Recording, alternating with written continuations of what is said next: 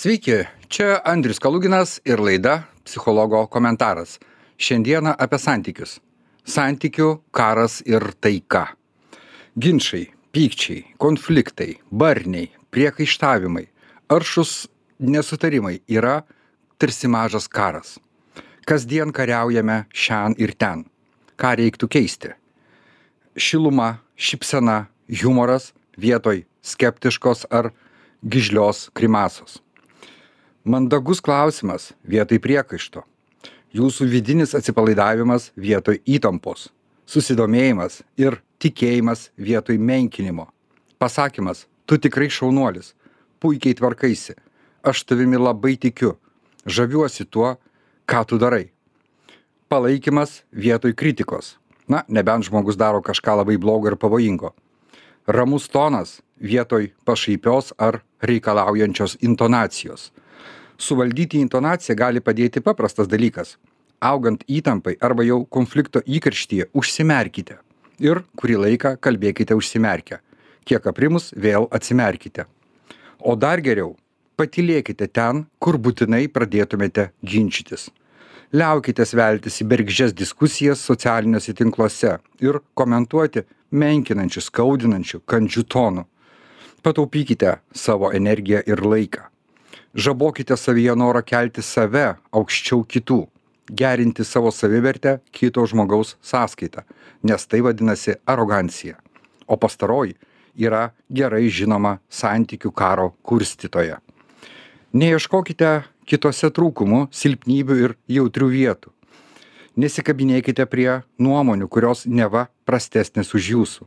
Verčiau pagirti, pastebėti privalumą ten, kur anksčiau e, nematei nieko gero. Dovanokite žmonėms geras emocijas po bendravimo su jumis. Palaikykite bičiulį ir nepažįstamą žmogų. Čia tinka įvairių formų patiktukai. Taigi, dosnumas vietoj godumo. Pavyzdžiui, nešikštėti gerų žodžių, komplimentų, padėkojimų, bet be lūkesčio už tai kažką gauti mainais iš kito žmogaus. Vietoj pykčio, kad žmogus turi kitą nuomonę, kuri nebūtinai sutampa su jūsiške, ar daro kažką savaip, nesikiškite. Leiskite jam pasisakyti, ką mano. Atsiprašykite patys, jei kitas žmogus nepakankamai dėmesingas, pavyzdžiui, kad jūs kažko nenumatėte į priekį garbingas elgesys vietoj bjauraus. Garbingai tai reiškia paprasčiau, mandagiau, ramiau, šilčiau, nuoširdžiau, kilniau. Formuoti naujus gerumo įgūdžius. Formuokite, treniruokitės, vėl ir vėl praktikuokitės. Atpalaiduoti savo vidinę spiruoklę, savo vidinį patį protingiausią žmogų tikrai verta. Valdyti ir stabdyti save, jei norėsite elgtis kaip anksčiau. Iš to tikrai gausite naudos. Kuo švelnesnis ginčas, kuo labiau jis primena paprastą pokalbį su abipuse pagarba vienas kito pozicijai, tuo mažiau konfrontacijos, nors jį kažkiek gali ir likti. Kuo ginčas griežtesnis ir aršesnis, kuo labiau jis primena bokso ringą, tuo daugiau konfrontacijos, kuri artėja prie priešiškumo.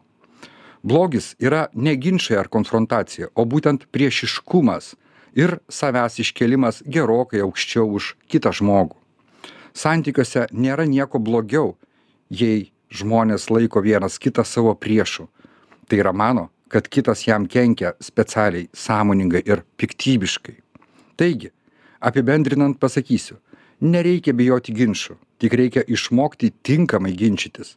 Žinoma yra niuansų. Pavyzdžiui ne visada taip gaunasi net ir prie didžiausio noro. Ir ne visada taip reikia ar galima daryti. Pavyzdžiui kada visiškai priklausai nuo kito žmogaus arba tiesiog netinkamas kontekstas tačiau tai ką aš siūlau tėra bendrinis orientyras daugeliui bendravimo atvejų. Žinoma ne visiems. Teisingai ekologiškai susiginčiję ne tik nieko neprarasite bet ir pagerinsite savo pozicijas padidinsite savo svarbą partneriui. Štai tokie yra santykių karas ir taika. Pasirinkite ko norite labiau. Čia buvo andrius kaluginas laida psichologo komentaras gražios ir lengvos jums dienos